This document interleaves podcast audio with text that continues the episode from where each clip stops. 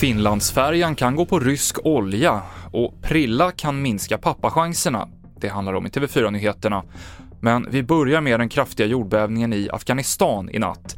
Myndigheter i landet uppger nu att över 900 personer har dött och att dödssiffran sannolikt kommer att stiga.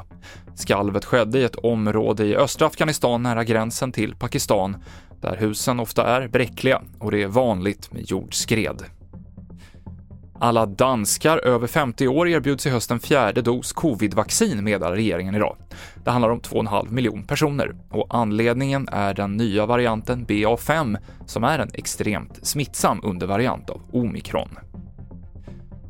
Snart fyra månader efter Rysslands invasion i Ukraina så finns det svenska kryssningsföretag som kör helt eller delvis på rysk olja.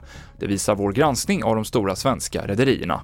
Viking Line har fartyg som körts på rysk olja, bland annat köpt från ett estniskt företag.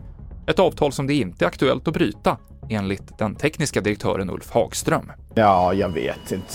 Vi, vi har inte diskuterat det överhuvudtaget. Varför har ni inte diskuterat det? Ja, vi, vi har inte sett det som... Jag vet inte. Efter TV4-nyheternas intervju så har Viking Line kontaktat den estniska leverantören för att diskutera kontraktet.